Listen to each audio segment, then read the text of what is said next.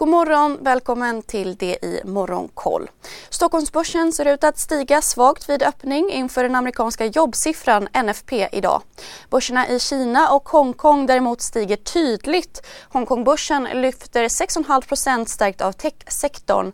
Alibaba och Tencent rusar tvåsiffrigt. Även elbilsbolagen Xpeng och Nio rusar närmare 30 och 20 procent vardera.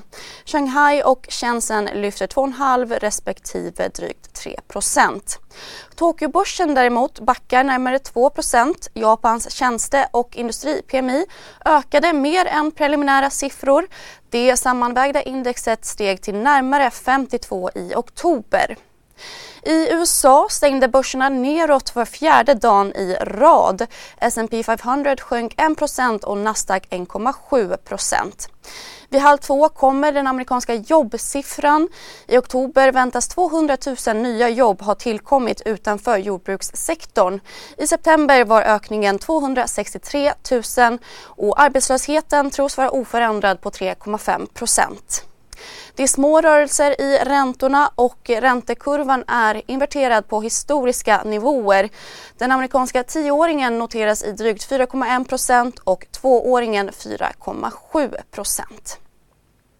Molntjänstbolaget Twilio som konkurrerar med svenska Sinch rasade i efterhanden efter att ha rapporterat en större förlust än Expressen gör varje vecka podden Politikrummet där vi djupdyker i det senaste och viktigaste inom svensk politik. Med mig, Filippa Rogvall, som programledare tillsammans med mina vassa kollegor. Och det är ju ni som heter Thomas Nordenskjöld, Anette Holmqvist och Viktor Bartkron. Politikrummet kommer med ett nytt avsnitt varje tisdag. Vi hörs.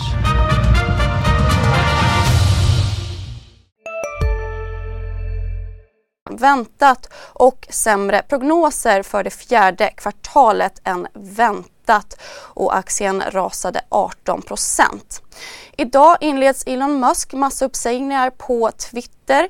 Enligt källor till Bloomberg ska halva arbetsstyrkan sägas upp Flera annonsörer har även pausat sina samarbeten med plattformen.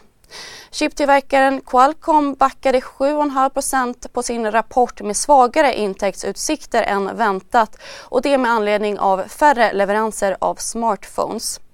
Så till Sverige där bioteknikbolaget Synact Pharmas nettoförlust ökade från 18 till närmare 24 miljoner kronor i kvartalet.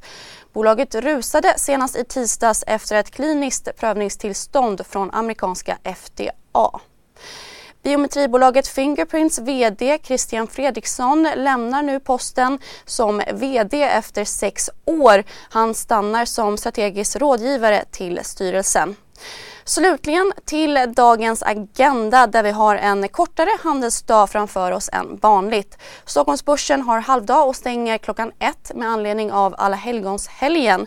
NFP-siffran släpps strax därefter vilket DI-TV extra sänder. Men först Börsmorgon 8.45. Missa inte heller Börskoll klockan två.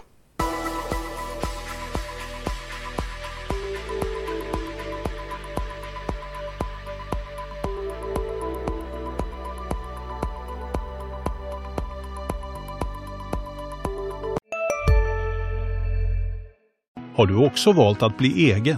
Då är det viktigt att skaffa en bra företagsförsäkring. Hos oss är alla småföretag stora och inga frågor för små. Swedeas företagsförsäkring är anpassad för mindre företag och täcker även sånt som din hemförsäkring inte täcker. Gå in på swedea.se företag och jämför själv.